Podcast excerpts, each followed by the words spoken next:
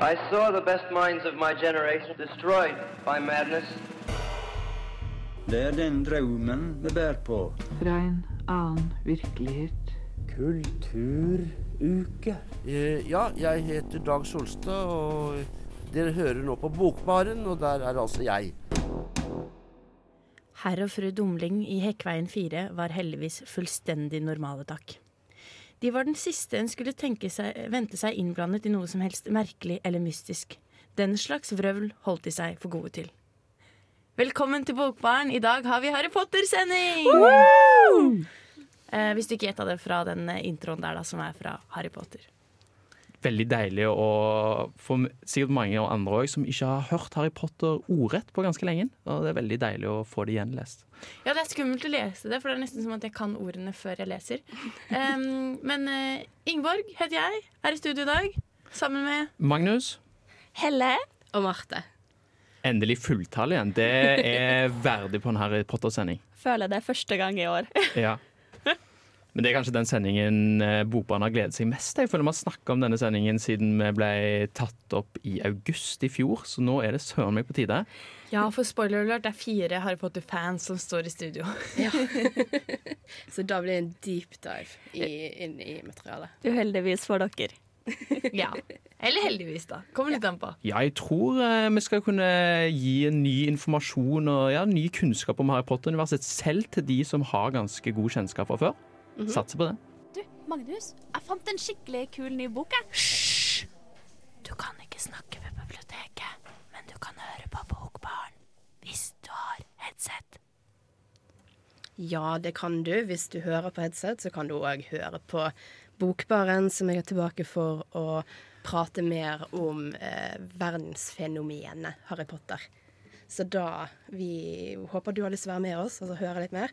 Og da tenker jeg vi kan ta og gi ordet til Magnus, for du har lest litt opp om, eh, om serien. Ja, det, det, jeg blir litt sånn, får litt sånn ærefrykt av å få ansvar om å snakke med denne serien i dette studioet her, fordi jeg er jo eh, en Harry Potter-fan.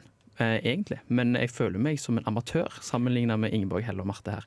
Men, eh, men, men, men vi gir det et forsøk. Eh, første Harry Potter-bok Den kom ut i 1997. Det er en av oss som er født i 1997. Det er Helle. Det er meg! Det er like gammel som deg, Helle. Eh, Jeg og Magnus var basically voksne vi da når den kom. ja, basically. Ja. Veldig voksne. Uh, og den ble først uh, opprinnelig bestilt da, i 50 000 eksemplarer.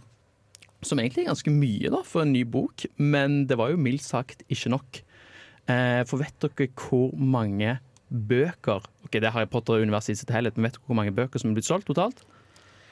Kanskje 100 millioner? Eh, 200 millioner. Eh, Tenker du alle syv, eller den Alle første? syv. Å, Gud. 400 millioner? Dere nærmer En dere. milliard. Ikke helt. 500 millioner. Å, herlighet! Ja, ganske. Så det var sånn, noen som prøvde å illustrere det sånn, for å se for seg hvor mye det er. da. Så hvis du setter alle bøkene av Harry Potter som er solgt inntil hverandre, så går det 16 ganger rundt ekvator. Ja, Det er ganske crazy. Hvor mye papir er ikke det, da? Å, Gud. Ja, det er vilt. Men eh, nå hoppet jeg egentlig litt fram, fordi det første bok kom i 1997, og så har det jo kommet ganske mange bøker etterpå. Det har totalt kommet syv bøker. Eh, og åtte filmer av disse syv bøkene. Den første filmen kom i 2001. Eh, så alle her i studio har sikkert hatt det samme forholdet som meg, at filmene kom nesten samtidig som man sjøl gikk på skolen. Og så kom de jo regelmessig fra 2001 til 2011. Så mange har sikkert det forholdet til bøkene. Eh, og det i dag eh, er bøkene oversatt til ca. 80 språk. Så det er ganske heftig.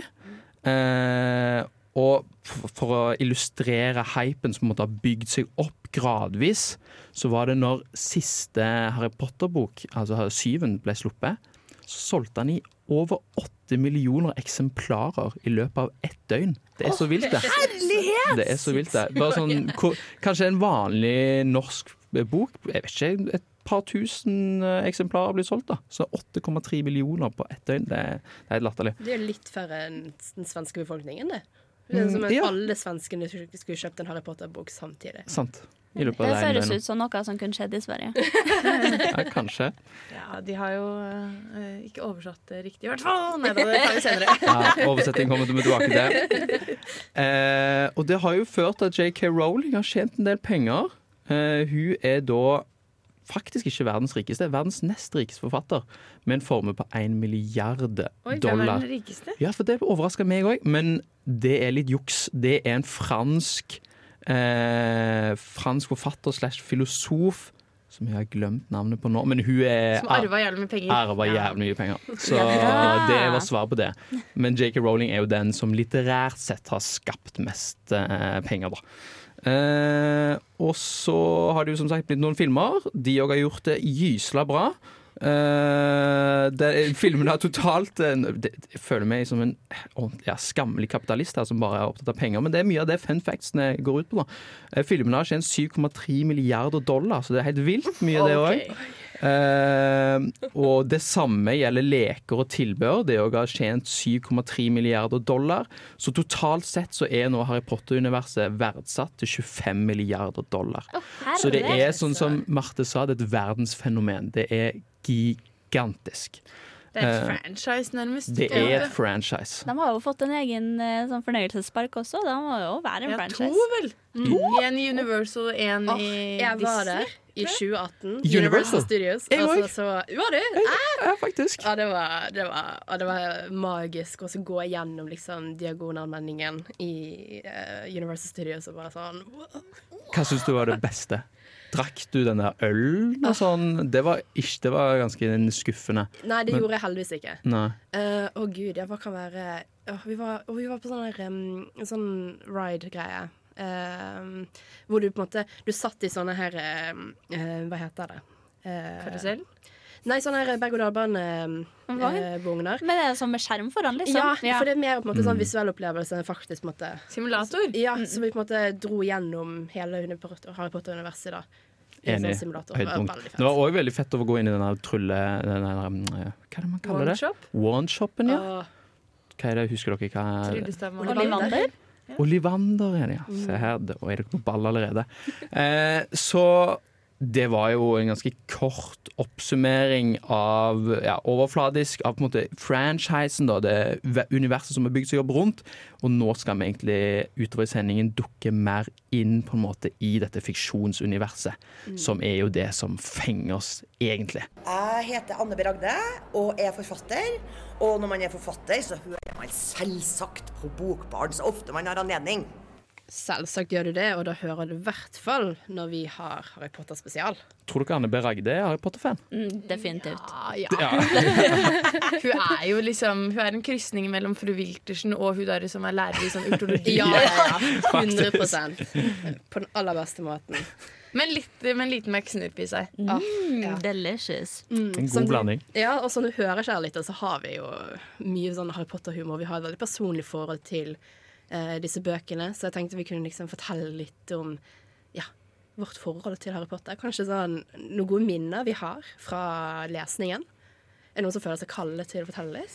Ja, jeg har en fantastisk historie. Ok, Så jeg fikk ikke lese Harry Potter så veldig mye da jeg var liten. Men hun eldste søstera mi var veldig stor fan, så hun arrangerte altså en Harry Potter-fest før jeg i det hele tatt hadde lest bøkene.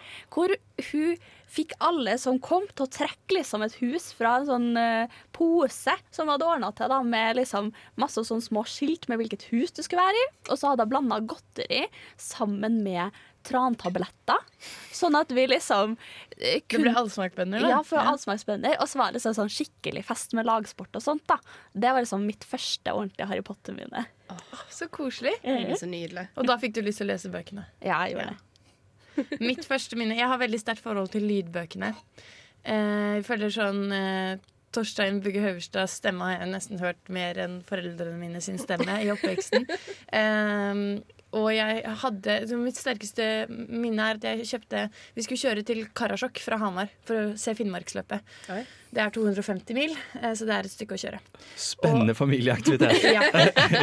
Phoenixorden hadde akkurat kommet ut og kommet på lydbok, og vi hørte den hvert kjørende sekund.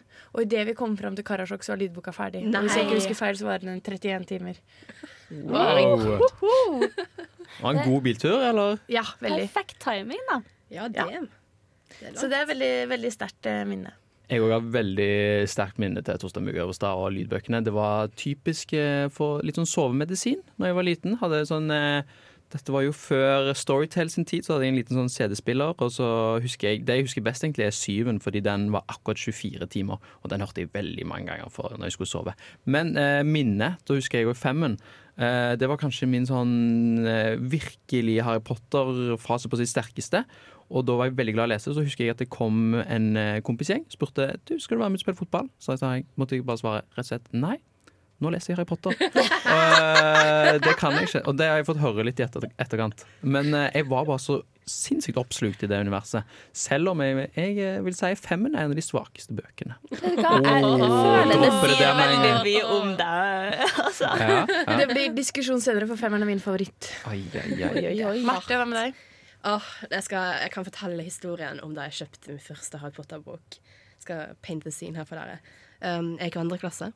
Det var høst. Jeg gjetter Jeg tror det var september eller oktober. Jeg hadde fått 200 kroner av min mormor til å kjøpe noe.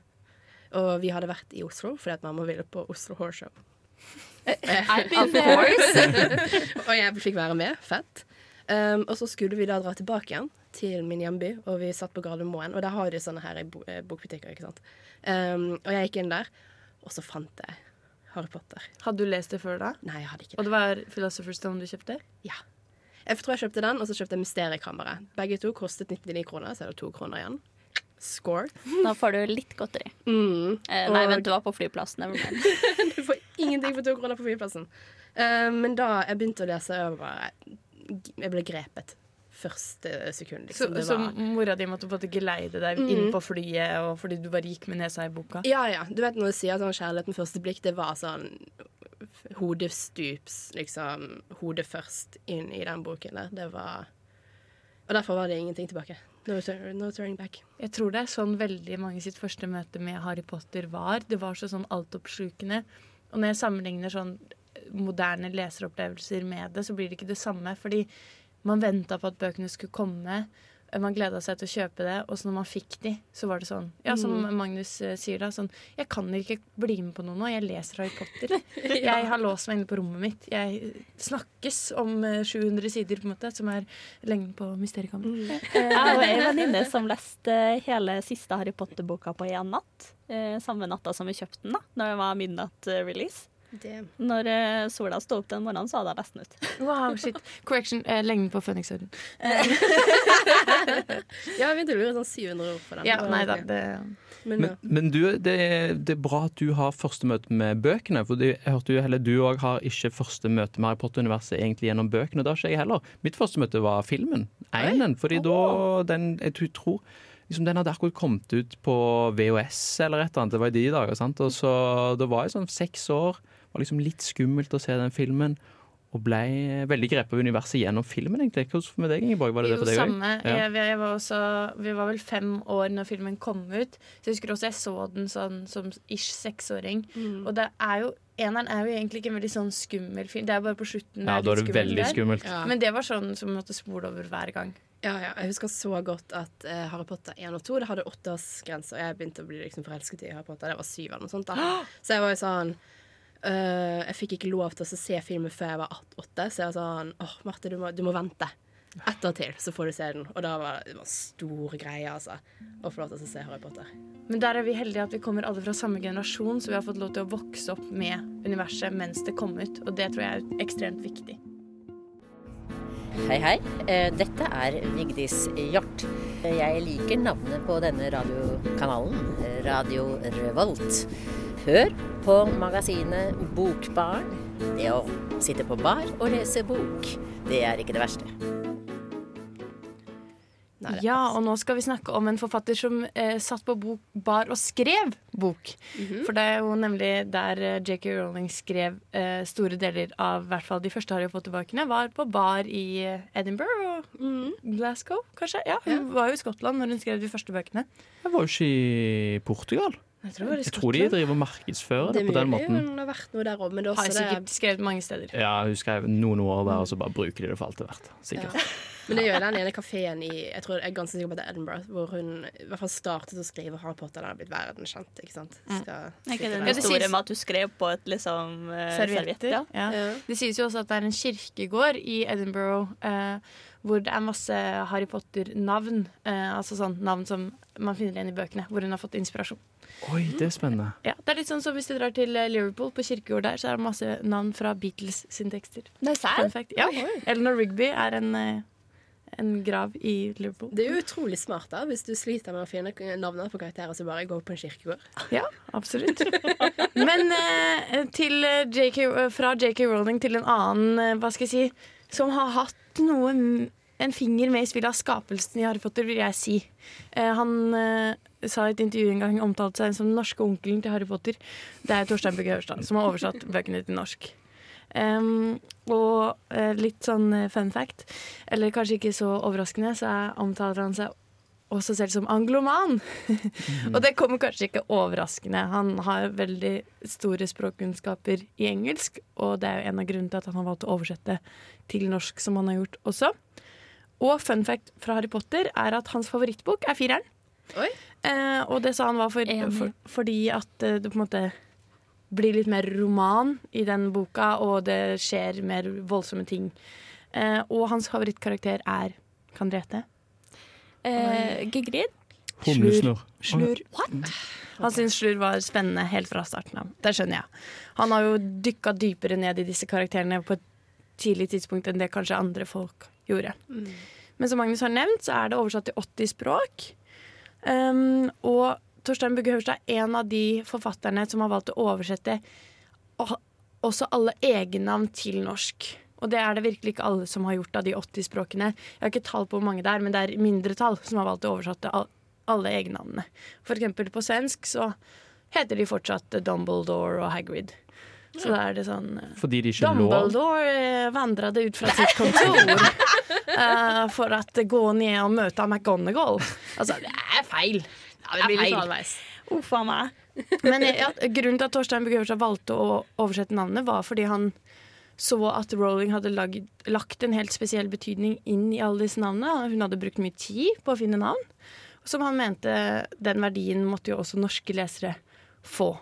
Eh, for hadde det het Hogwarts for en ung person som ikke er så god i engelsk, så hadde du ikke fått på en måte samme betydning som Galtvort.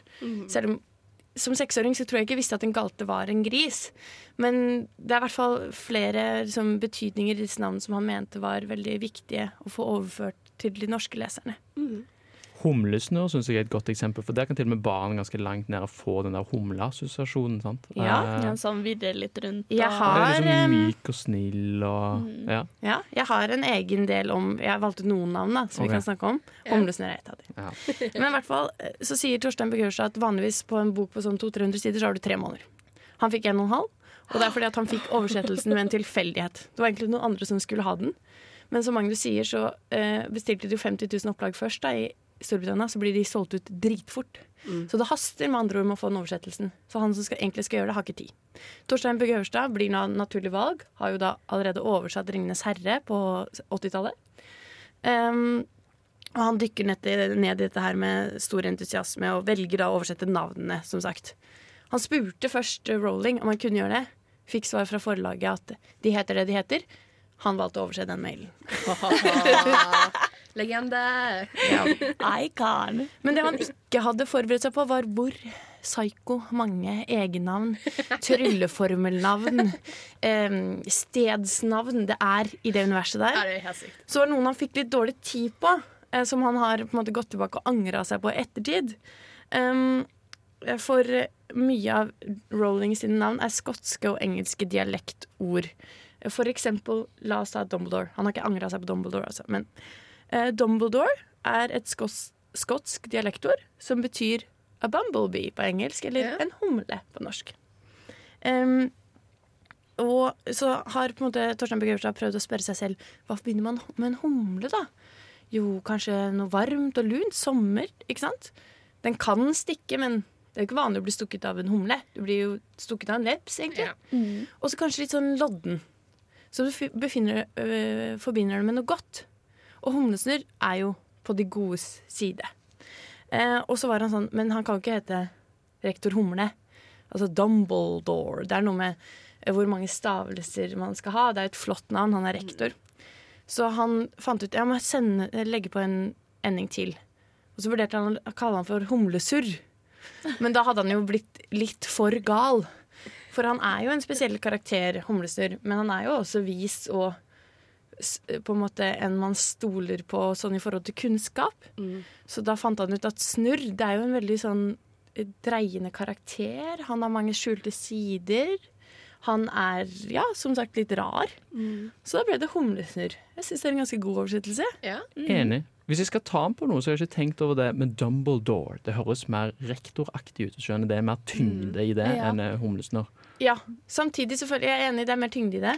Men Dumbledore er på en måte litt for seriøst navn. Eller i hvert fall i starten så er jo Humlesnurr veldig rar. Altså Han er Ja. veldig morsom og quirky og Ja, spiser er disse ørevoks, eh, allsmagbønn og sånn. Så da syns jeg kanskje det navnet passer bedre. Mm. Men utover i bøkene så er det kanskje blir han mer Dumbledore-aktig. Mm.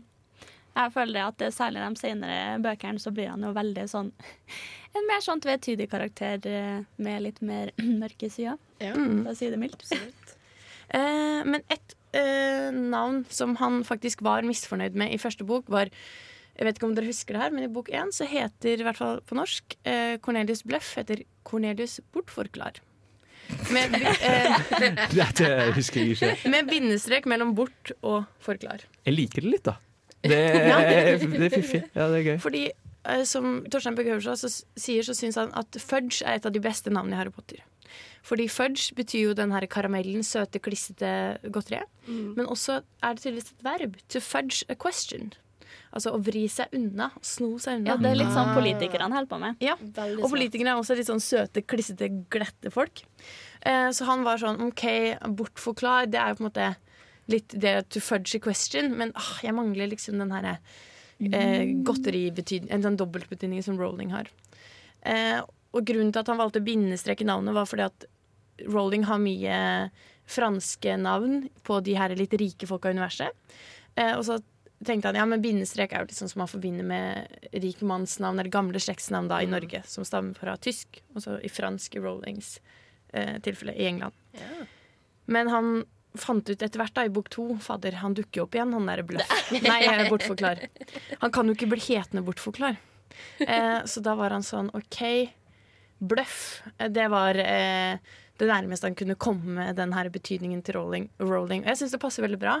Men han heter jo ikke eh, B-L-Ø-F-F. Han heter Bleuf, stavet på fransk. er Så da får man også inn den her betydningen med at det er et Han kom mest sannsynlig fra en rik og litt gammel slekt. Da. Jeg tror Hvis jeg skulle ha valgt å gjort det, og så ikke hadde tenkt på bløff, så tror jeg kanskje jeg hadde eh, valgt å gjøre sånn franskifisere det enda mer. Og sånn «Bon, forkle Det Det ble veldig dansk, men you know. Ja. Litt sånn, med litt sånn rare endinger og sånt. Du har jo noen sånne navn. altså Bellatrix, Bellatrix Lestrange er jo Bellatrix Dumont, Ja, for eksempel. sant det. Mye, ja, veldig kult at de får fram liksom litt sånn samfunnslag, Ja. klassesystem i boken. Så alle disse her egennavnene er ikke bare tilfeldige oversettelser. Eh, Det er faktisk eh, Han har gått tilbake i Rollings Rowlings eh, på en måte etymologiske fotspor så langt det har latt seg gjøre, og oversatt det. Så på så kort tid han hadde. Ja, på så kort tid, på en og en halv måned. Og Rumpeldunk òg. Der var han sånn Hva er det hun har ment her? Hva er det hun har ment her? Det han gjorde, var bare å sette opp et ark med de hardeste stavelsene han eh, kunne i det norske språket. Så ble det Rumpeldunk til slutt. Så har man jo senere funnet ut at quidditch er et eh, sånn eh, akronym, er det det heter? Altså eh, sammensatt alle forbokstavene på navnet på ballene i sporten Rumpeldunk. Oh på engelsk. Ja. Dette er Veldig gøy, for du viser jo alle lagene som ligger i oversettelse òg. Han har et ark og skal finne alle de harde stavelsene. Sant? Hvor, ja, hvor gjennomtenkt det er, hvor flinke de er som faktisk holder på med dette. Ja, for begrunnelsen for det var på en måte at det er jo en jævlig farlig sport. Det Ja. er høyt oppe i lufta, du dunker inn i folk og ramler og faller og slår deg. Mm. Så briljant oversettelse av Torstein Bugge Høverstad, vil jeg Og briljant innlesning. Ja, Ja, veldig, veldig god innlesning. Hei, det er Tove Nilsen som har skrevet roman fra Nedre Singsaker, Singsakerbakken, og som endelig nå får være i Trondheim igjen, i Bokbarn. Ja da, du er tilbake til Bokbaren, litteraturmagasinet på Radio Revolt. Eh, Jeg heter Marte. Jeg har med meg i studio Helle! Ingeborg. Magnus. Yes, og vi Ah, oi, unnskyld, Hermine. Og vi har Harry Potter-spesial her i dag for dere kjære lyttere. Um, og vi pratet jo nettopp om um, oversettelsen, og uh, Torstein Bugge Høverstad. Uh, hans favorittkarakter sa du var Slur. Slur. Og han er jo en karakter som har fått en liten sånn karakterreise da, gjennom, uh, gjennom bøkene, hvor du møter han som den her uh, litt sånn fratrukne um, Den ondeste av de onde. Ja, Til og med med fett hår. Æsj. Og ørnenese eller haukenese eller hva han har. Ja. sånne neser kan være veldig hat, bare ikke der. OK. Det er bra, det heller. Anyway. Men han får jo en litt sånn eh, måte, altså, mulighet til å gjøre opp for seg da på slutten av boken, hvor det viser seg at han har vært på Harrys side hele, hele tiden. Mm. Og da er jo spørsmålet sånn Har han fortjent denne redemption-arken han fikk? Det er jo en liten sånn diskusjon innad i fandomen um, med forskjellige karakterer, da, som for eksempel da ikke har fått det på samme måte som for eksempel Draco Malfoy eller Draco Men Malfoy. Hva er, hva begrunnelsen til at han ikke skal fortjene det, eller fortjene det? Hva, hva er det som eh, ja, grunngir at noen fortjener noe, en sånn ark? Jeg vet ikke. Vel, det er noe med det eh, karakteroppbygginga gjennom alle bøkene. Eh, Sånn I mitt eh, tankemønster i hvert fall, så er det på en måte Hvis han virkelig har vært på den gode sida hele tida, selv om han har spilt en bad guy, så er det på en måte så utrolig nasty at han har vært en så sjukt bølle mot alle elevene sine. Sånn, Ikke bare Harry som hovedperson, men f.eks. når vi kommer til den der bok nummer tre, hvor de får ut den der eh, eh, Hva den heter den som uh, gjør seg om til det skumleste folk vet? Ja, Hambusen. Ja, den der tingen. Uh, så Neville, eller Nilus, hans største skrekk, selv om han har sett sine egne foreldre bli torturert til galskap foran han, så det Snape han er mest redd for. Ja, det er sant, det. Eh, og det i mitt hode bare virkelig solid- solidifiserer hvor utrolig nasty han er. Ikke bare sånn mot Harry, men som eksempel Hermine når tennene hennes vokser ut av ansiktet hennes, og han sier at han ikke ser en eneste forskjell. Jeg bare øh, Sorry. Altså, Hver eneste gang jeg tenker at jeg skal bli kjent med noen, så er det noe av det liksom Mitt standpoint er liksom det at deres forhold til Snape, er, eller Slur, er et red flag. Hvis det er liksom sykt pro. Det tenker jeg på en måte kanskje litt sånn motsatt. da Eller For det første så er jo det på en måte noe av det Torstein Bugge Høverstad sa. En karakter som er så ond, det er på en måte ikke mulig. Så han var litt sånn, det må finnes noe mer bak der. Og der er jeg litt enig. Sånn, en, et virkemiddel fra Rollings side er jo å male han så kjipt som mulig. Så desto større på en måte eh, overraskelse, gevinst, ved at han på en måte egentlig er god. Men det å på en måte ha godhet i seg betyr ikke nødvendigvis at du skal være snill. Og det er der jeg føler på en måte den dualiteten og kompleksiteten i Slur er så sterk, da, som jeg mener sånn at uh, han på en måte fortjener den her redemption-arken. Fordi ja, han er, viser seg å være på de gode side uh, og på en måte beskytte Harry. Men han har jo også et ekstremt anstrengt forhold til Harry. Han kommer fra, for det første fra eh, Hvis du går i Slur sin law, da, eh, background history, så kommer han fra et voldelig hjem. Eh, han var et mobbeoffer på skolen. Eh, hans eh, største måte, mobber er Harrys far. Eh, han er på en måte blitt wronged in love av moren, som også har dødd. OK. Ja, men på en måte sånn, altså, sånn Han fikk ikke sin eneste kjærlighet, da, og hun døde. Eh, så han har på en måte mye hat og bitterhet i seg, som gjør at han er som han er som person. Eh, mm, så jeg mener sånn Det at han er en kjipas, liksom, gjør ikke at han på en måte ikke er god. Eller sånn, han er god, men du kan fortsatt være en, en kjip person. Og selv om du på en måte har godhet i eller er på de gode side. Jeg er for så vidt enig i det du prater om der, eller sier. Um, og Jeg tror man skal på en måte være åpen for å gi Snape litt, uh, litt slack, spesielt på en måte med den bakgrunnen han har. Men det jeg misliker, er veldig denne martyr- og helgen-malingen av Snape, da, som han har fått, eller slur, som han har fått i ettertid, hvor det er sånn oh, always, ah. Og det er sånn, dette her er til syvende og sist snakk om en person som har funnet ut at OK, kanskje jeg kan være liksom litt på lag med Harry fordi han er sønnen til hun damen som jeg var så forelsket i på ungdomsskolen, eller liksom på skolen, men som ikke ville ha meg, som ga veldig tydelig beskjed om at jeg ikke ville ha henne. Og han kalte henne for Magvad, som er noe av det verste du kan gjøre mot Han var 13 år, da. Jo, men fremdeles. Ja. Ja, men jeg føler det, Kompleksiteten som du sier, Ingeborg, fordi han er jo ond og ondskapsfull, men det er noe stakkarslig med, med Slur òg. Det, er det der bitterheten og hatet skinner gjennom. og han fremstår jo som en stakkars jo bare sånn sørgelig karakter på så mange måter. Ja, det er veldig synd på han. Det er ikke noe tvil om det. Men det er bare sånn, hvis at du ikke har kommet deg over at du har blitt mobba på uh, ungdomsskolen Jeg mener, jeg har ikke det, men you know eh, Gå til en psykolog. Men det er jo ikke bare det at han ikke har kommet seg over å bli mobba på sko eh, ungdomsskolen. Fordi alle i hele det magiske samfunnet, utenom Humlesnurr, hater han jo. Tror han er en dødseter. Jo, men er det rart, da? Ja, nei, men du skjønner hva jeg mener. Altså, sånn, det er jo ikke noe som på en måte har slutta, det er jo noe som på en måte fortsetter. Og jeg, ja, jeg er enig. Han Altså sånn, Herregud, han kunne gjort noe mer for å liksom Men jeg syns det, sånn, det blir litt sånn feigt, helt ærlig, å liksom si at et menneske ikke fortjener det fordi du er sånn og sånn og sånn og sånn. Det er veldig Jo, jo, og han fortjener på en måte en ny sjanse, men ja. Godt psykolog, dere da, som ikke liker slur. Jeg gjør det. I already do, baby. Nei, jeg tror altså, det er noe med at vi kanskje trenger litt mer groundwork for at han skal virkelig være en karakter som man heier på i en redemption. Ikke bare sånn Ja, det er sant. eh, Og man trenger litt mer grunnlag for å på en måte ha troa på at han virkelig vil holde seg til den sida han eh, holder seg til. da. Og sånn, Når vi er på det temaet, så vil jeg jo gjerne dra inn Draco, som vi sikkert kommer til å snakke mye mer om til neste uke når vi har fanfiction-sending. Eh, hvor at det er på en måte et barn som er oppvokst under krig, akkurat som Snape. Men han klarer ikke ta det valget om et mord. Eh, som han egentlig har blitt trua på livet og på livet til hele familien sin at han skal gjøre. Altså, det her er et barn som blir tvunget til på en måte spionasje før han er myndig og egentlig har lov til å ta det valget selv. Em, og det er på en måte Jeg elsker den kontrasten mellom Snape og Draco, fordi at i mitt hode så fordi vi opplever Draco gjennom hele hans oppvekst, så fortjener han mye mer en oppbygging til på en måte å ta de gode valgene.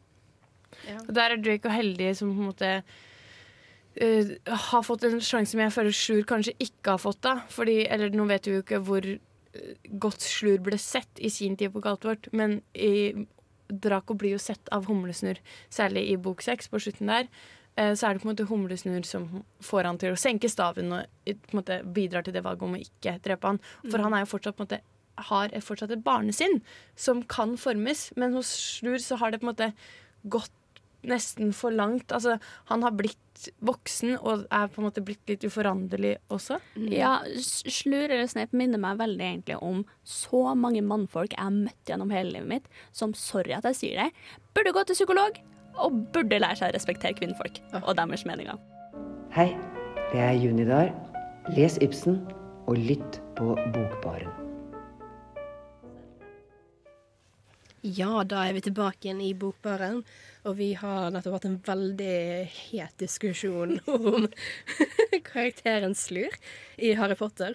Uh, men vi skal prøve, vi skal prøve hvert fall å legge den litt bak oss og snakke litt mer om um, samfunnet som blir bygget opp i, uh, i Harry Potter-universet. For det er veldig fascinerende eh, system der, da, med eh, sosiale klasser, og du på en måte, sånn som Ingeborg var inne, på med, eh, med navnene, at liksom disse overklassefamiliene hadde franske navn, mens eh, mer eh, arbeiderklassefamilier som Wiltersen, de har mer Weasley, det er mer sånn engelske navn. Så det er mye fascinerende law der. Ja, Potter òg. Veldig vanlig engelsk etternavn. Jeg vet ikke når dere fant ut av dette, men jeg, jeg fant ut dette mens jeg studerte i Trondheim. Jeg var på sånn arrangement på Samfunnet med han Torstein Bugge Øverstad, og så påpekte han jo dette her med at eh, Wiltersen er på en måte arbeiderklassen, og um, Malfoy og smygerfolkene er overklassen.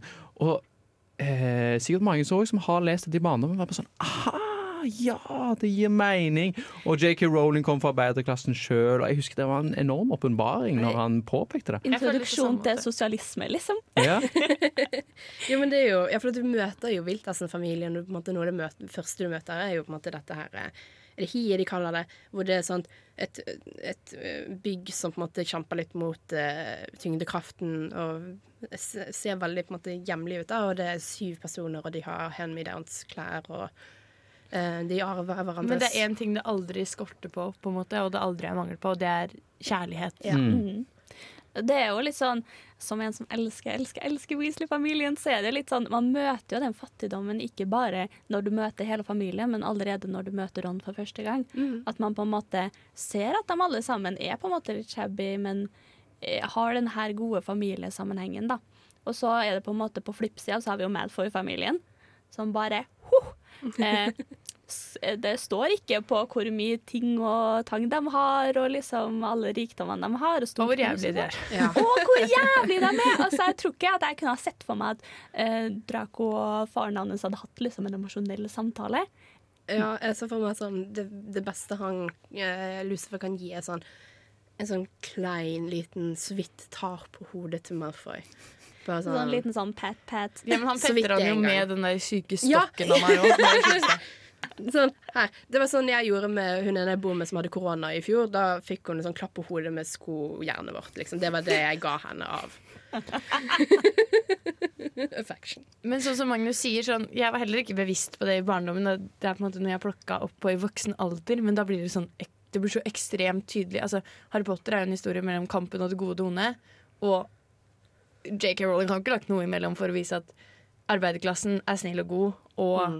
overklassen, borgerskapet, er de onde, selvfølgelig, og er helt jævlige. Og de, er, altså, de gode er uh, fattige, og de rike er uh, Franske. franske. Men der har du jo på en måte Sirius svart igjen, da, som er en sånn dual karakter der. Ja. For han kommer jo fra en drikkfamilie som er rik, men han er god.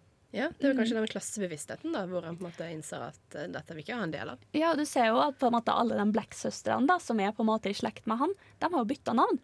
Ja. Eh, når de på en måte har gifta seg, eller sånn, sånn for å vise hvilken side de holder med. Så det er jo på en måte sier veldig mye om på en måte, Bare navnet deres sier veldig mye om deres allegiance, da.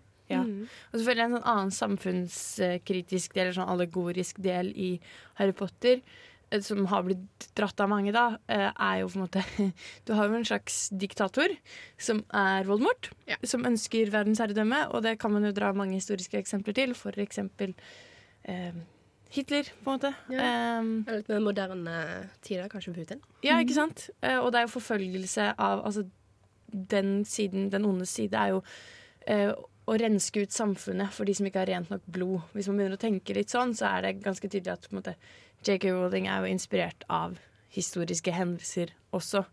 Og sånn ser du jo i andre fantasybøker som har kommet før, og 'Ringenes herre' har jo mye av det samme tematikken. Men dere som har lest mer føler jeg, rundt universet enn det jeg har, har JK Rowling uttalt noe om parallellen, som du sier, til rensking av blod og de historiske parallellene Eh, osv.? ja, det tror jeg fort. Hun har, hun har snakka ganske mye om parallellene som hun har dratt. da. Eh, og det er mange av dem som er veldig problematiske, egentlig. For eksempel så har jo sagt at det er varulvspredninga, det er jo en eh, allegori for aids.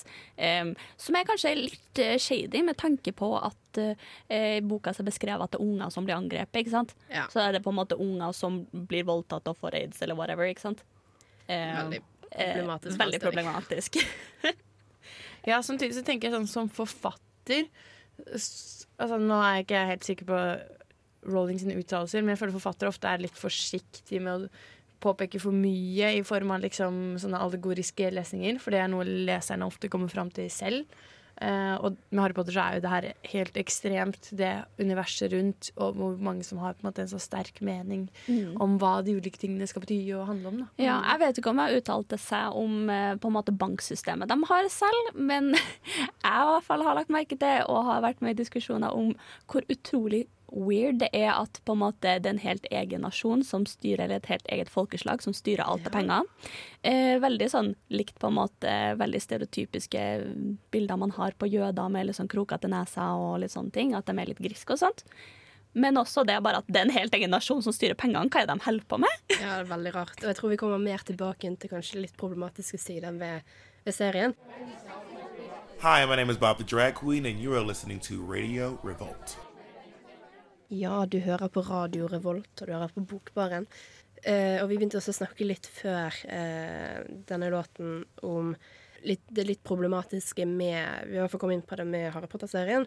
Og det blir jo vanskelig også å snakke om å ha en spesialsending om, om Harry Potter uten å snakke om elefanten i rommet, som er forfatteren J.K. Rowling, og hennes litt mer problematiske skal si, holdninger og ytringer etter, etter serien ble fullført. Um, og det er jo det er jo på en måte mange, mange dråper som har samlet seg opp og til slutt har fått um, um, begeret til å renne over. Og vi har snakket litt om det, dette med uh, fremst, altså denne allegorien for uh, aids-epidemien og um, uh, for eksempel da um, litt sånn antisemittiske fremstillinger av disse gnomene i banken. Og så til slutt så har vi òg for eksempel da um, Humlesnurr som har blitt um, nå har fall sagt i ettertid at han er homofil, uten å helt gitt en konkret fremstilling av på en måte vist at han er det i bokserien. Det er litt interessant at nesten alle de problematiske aspektene som blir trukket fram, som hun blir eh, tiltalt for, er jo pga. hennes egne uttalelser. Det er ikke lesninger av fiksjonsuniverset i seg sjøl som har ledet fram til det. Det er fordi hun har gått, sånn som Ingeborg sa, og tråkket kanskje litt i salaten Mm. og uttalt ting som ikke var nødvendig nødvendigvis knytta til dette universet. Ja. Så hun har ødelagt for seg sjøl. Veldig, veldig Eller er det kraftig. noen lesninger Det er i universet? en del Det her med altså. antisemittisme og sånn er vel ikke noe vi har gått ut og sagt, tror jeg. Nei, jeg tror ikke hun har gjort det. Men det, jeg har i hvert fall Jeg hørte John Stewart, som er en talkshow-host i USA, um, som fortalte at første gang han så Harry Potter, så fikk han sånn Å, Han er særlig jødisk, og han fikk sånn Åh, yikes. Av disse Ok. gnomene. Og det er visst en kjent fortelling blant veldig mange jøder som ser filmen. Ja, og her må vi skille litt mellom bok og film, da. Eh, Men på en måte, de i filmen er jo basert på de i boka, og nå vet ikke jeg måte, Jeg har ikke satt meg inn i det antisemittiske sam, Semittistiske? Semittistiske? Ja. Um, anklagene til boka. Men det er jo på en måte viktig å si at det er jo ikke Rowling som står bak filmene. Men ja, hun har jo altså sånn Hun har jo skutt seg selv i foten mer enn én en gang. Ja, med å dra inn en kjent eh, jødisk stereotyp, og så sette den in charge av banken, da, liksom. Men den største tabben, eh, Marte, kan du ta oss litt gjennom den? Det som Det- fikk internettet til å ta fyr for et par år siden. Det kan jeg. Um, dette skjedde i 2019, desember 2019. Så var det da en dame som heter Maya For, uh, Forstetter, um, som hadde blitt um, Hun fikk ikke fornyet kontrakten sin ved Center for Global Development, som hun jobbet ved, på bakgrunn av at hun hadde vært veldig aktiv på Twitter, og så skrevet det som har um, blitt tolket og folk har oppfattet som transfobisk. Så hun har annet skrevet at um, menn kan aldri bli kvinner. Det er ikke mulig. Um, og på bakgrunn av det da så ble da kontrakten hennes ikke fornyet, og hun gikk til sak mot sin tidligere eh, arbeidsansatte. Og eh, ble først Fikk først ikke medhold, men så fikk hun det da hun tok det videre til en annen type rett. Det er litt, man kan lese seg opp i det på egen hånd hvis man ønsker. Um, og da har JK Rowling gått ut og så støttet henne i hennes sak. Um, og hun har uh, skrevet veldig mye forskjellig. En tweet som kanskje måtte beskrive måte, beskriver veldig godt hva, hvor hun stiller seg i den. Da skrev hun at If sex isn't real, there's no same-sex attraction. If sex isn't real, the lived reality of women globally is uh, erased. Ja. Og så har hun jo også i senere tid skrevet en nærmere 4000 ord langt essay som eh, forsvarer hennes syn, da, eh, om eh, transspørsmålet, da. Som er veldig sånn Jeg har lest det flere ganger, og jeg klarer aldri helt å skjønne hva hun sier. Fordi at hun mener at sånn Jeg støtter transpersoner, men samtidig så er det liksom Transpersoner kan ikke bli ordentlige kvinner, og det er veldig sånn Og de er en fare for vanlige kvinner, Ja. som hun skriver. Ja, for det var vel litt det her på en måte bakgrunnen for Rollings uttalelse var. At hun, på en måte, at hun følte seg utrygg på f.eks. med å ha en transperson på et kvinnetoalett for eh, fare for overfall, var vel en av de uttalelsene Ja, du hadde. blant annet. Og du, vi har jo snakka litt om det her tidligere i forkant av sending, men du nevnte noe om at eh, hun hadde en veldig sånn oppfatning av hva det ville si å være kvinne, Marte. Ja. Og gi med en slags sånn andrebølgefeminisme, var det ikke det du var inne på? Ja, det er jo veldig Hvordan skal jeg si dette på kort tid? Um, det er en kjent greie med uh, andrebølgesfeminisme at måte, man har um, et syn på hva det vil si å være kvinne, og man på en måte glemmer litt den uh, Man må måtte kjempe veldig for hva det vil si å være kvinne når man har et bakgrunn som er veldig um, undertrykkende, da. Og det å åpne opp, og så gjerne få um, åpne opp hva det vil si å være kvinne for at da transkvinner kan være med, det, det viser seg at det er veldig vanskelig for mange av den gruppen. Man ser jo det også i Norge med f.eks. Eh, Kari Jakkesson, som har vært veldig kritisk til eh, f.eks. det tredje kjønn og eh, transpersoner.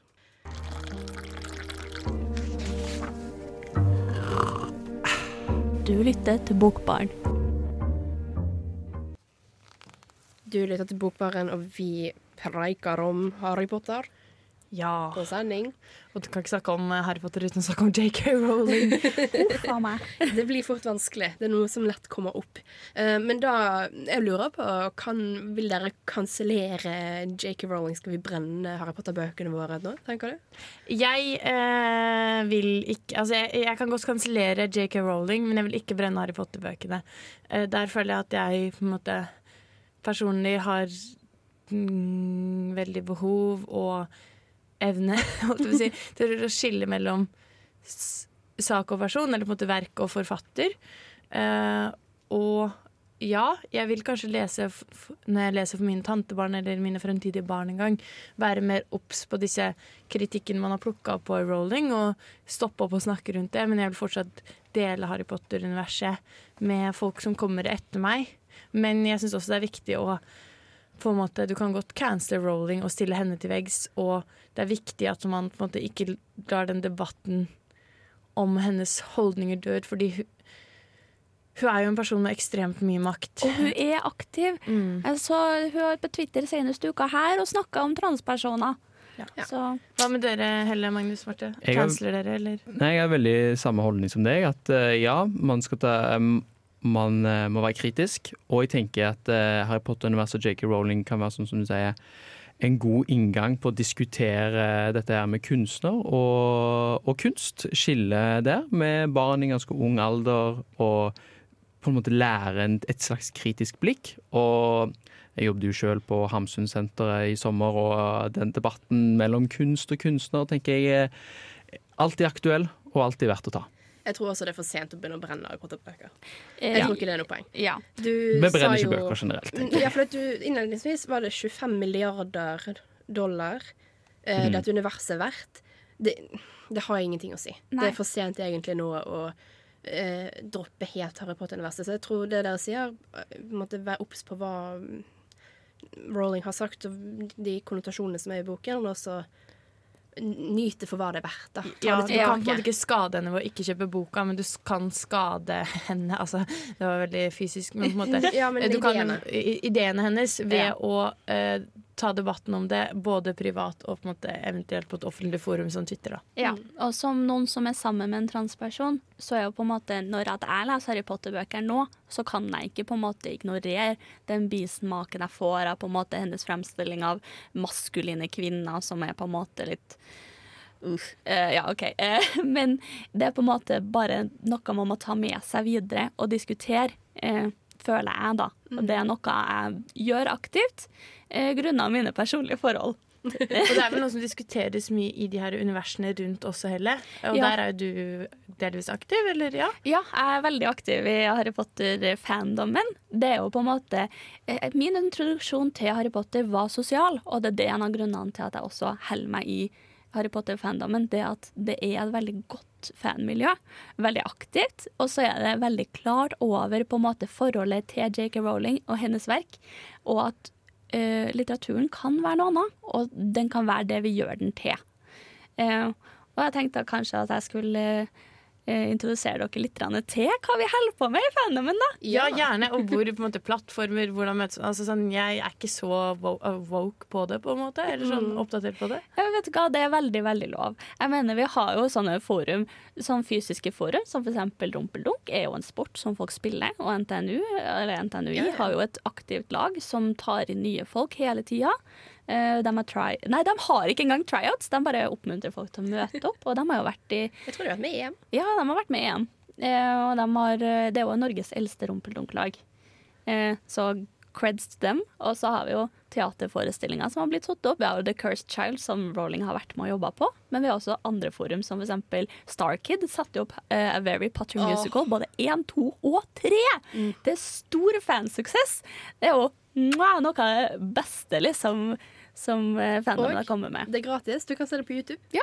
Oi, gøy. Det må jeg Første klasses underholdning. Ja, ja de bare miksmasher alle Harry Potter-bøkene liksom, i en boom, ba-bam-musikal, Ja, ja. liksom.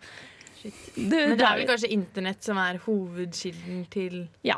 Internettforum er kanskje den største kilden. Vi har fanfiction, vi har fanart, vi har store forum som diskuterer. Eh, alt fra liksom spell mechanics eh, til eh, ja, andre ting. Ja. Altså, vi, tuller ikke når vi sier at dette er et, verdensfenomen. Um, jeg, jeg tror alle her har vel sett uh, 20-årsjubileet uh, som kom yeah. ut Oh, eh, ja. rundt nyttår. Um, og det er jo på en måte Jeg merket at det å se bildene derfra fra alle sto i kø for å kjøpe bøkene og sånt, bare sånn Blir nesten litt sånn rørt og litt sånn Men jeg lurer på sånn Kommer jeg noen gang til å se en sånn Hype igjen, ja, liksom? Ja, Ja. for det, det var liksom En religion? Ja, det var jo det. Det var på en måte en, en helt ny jeg, jeg tror ikke jeg har sett det før. Det liksom, eneste jeg kan sammenligne med, er sånn Beatlemania, føler jeg. Ja, det er jo veldig likt det, egentlig. Men eh, noe som jeg er veldig med på, da, som jeg syns er kjempegøy, er jo fanteorier. Eh, og da har vi jo teorier som mørkhuda Hermine. Yeah. Som eh, også ble veldig relevant når The Cursed Child kom ut. Og da var Rowling sånn Jeg har jo alltid ment at Hermine er mørkhuda. Eh, yeah, right. Eh, men folk elsker det. Det er en fantastisk teori, og den har så mye å si på en måte for Hermine sitt selvbilde. Altså det at hun på en måte ofte er så kritisk til på en måte at hun ser annerledes ut, håret hennes er umulig å temme, eh, og hun ofte føler at hun ser stygg ut. Eh, som og mange som vokser opp i et samfunn som ikke ser ut som deg, føler på. da. Og det er jo mm. Eh, veldig, veldig fin teori. Eh, jeg støtter den veldig. Og vi har også f.eks. biseksuell Harry. Eh, det er noe du ikke kommer unna når det er et verk som er skrevet av en kvinne. Det er veldig ofte mange mannlige karakterer som beskrives som liksom handsome og sånt, som f.eks. Cedric Diggory. Ja. Eh, hvor det sånn huh! Eh, og når vi får det fra øynene til Harry, da, så er det på en måte He might be a little bi. og jeg er, veldig, jeg er veldig med på det, liksom. Kjør på. Eh, og indisk Harry er jo også en veldig sånn teori som fandomen har sprunget langt med. Jeg vet ikke om Rowling har kommentert på den, men det er jo på en måte India var jo kolonisert av England. Og både James, som er navnet til faren, og Harry er jo navn som er ofte brukt i India. Og så Potter er jo et navn som kan være tradisjonelt indisk, men det uttales jo greit både på både indisk engelsk og britisk engelsk. Hvordan stiller J.K. Rowling seg til disse teoriene? Har hun vært, sagt noe om det? Veldig lite. Eh, Jeg tror ikke egentlig hun har fått så mye med seg. Men vi vet jo at hun på en måte er åpent kritisk til på en måte en del LHBT-folk og sånt. Hun er ikke så veldig for denne representasjonen. Eller hun var det når bøkene ble fortsatt skrevet, men etter at på en måte verket var ferdig, så er det hun som kommer med teoriene. Ja. Um, men så har vi også en av mine favorittteorier, og det er om en karakter som nesten ingen uh, Jeg skulle si bryr seg om, men jeg bryr meg veldig om hun, hun Tanks. Ja. Eh, Dult. Dult, som det heter på norsk. Mange mener at hun er trans. Oi. Ja. Den kan jeg faktisk se liksom, litt Men- fra filmenes Ja. og sånn sin side også. Men ikke, og hva det heter da? Uh, meta... um, Metamorph Ja, Magus. ja. Ja, for hun er jo en shapeshifter, eh, Ja, ja. Metamorphagus. Eh, og det er jo mange da som mener på en måte at hun kan bruke magien sin til å se ut akkurat som hun vil. Mm. Så hvorfor er hun ikke trans? Jeg tror hun gjør det i, i hvert fall i filmene. Da tror jeg hun skifter ansiktet sitt over til å være Harry. eller et eller annet, Ja, hun gjør det i siste siste Nei. Jo, i siste boka gjør hun ikke det. Jeg tror det. Vet ikke. Alle blir jo harry i siste boka Ja. når de tar Apologies for da. Men ja. Jeg lurer på om det er noe at hun er med i den scenen og på en måte gjør seg som Harry, da.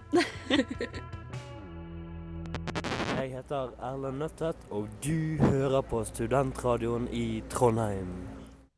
Ja, du hører på Studentradioen i Trondheim, og eh, vi tenkte å eh, snakke litt mer om oss selv. Vi snakker egentlig ganske lite om oss selv på dette, i dette programmet her. Ja Jo, jo, Jeg ok. føler jeg snakker om meg selv hele tida.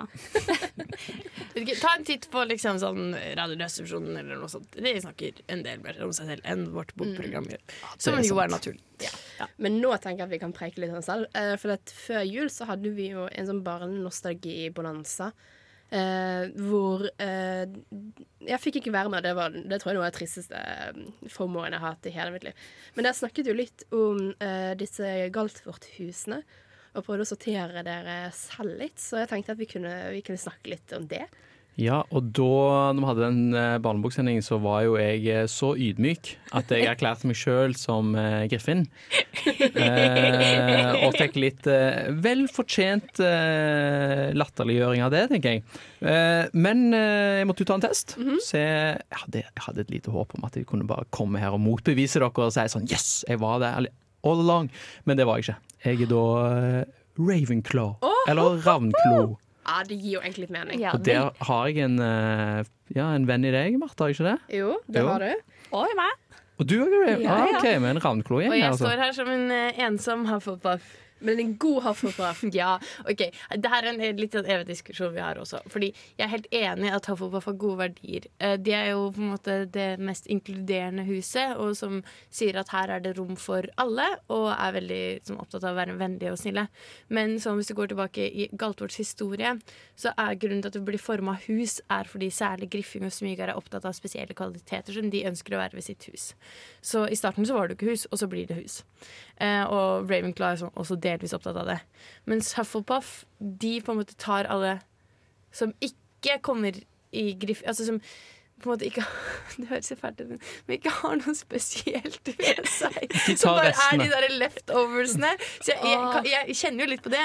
Men altså, herregud, eh, hvis jeg er en hyggelig leftover, så er det jo hyggelig å ja, være Ja, altså, som en som folk alltid tror er en Hufflepuff, så er det på en måte det er et av mine favoritthus uh, å tenke på. Jeg er veldig, veldig glad i Hufflepuff, nesten mer enn mitt eget hus.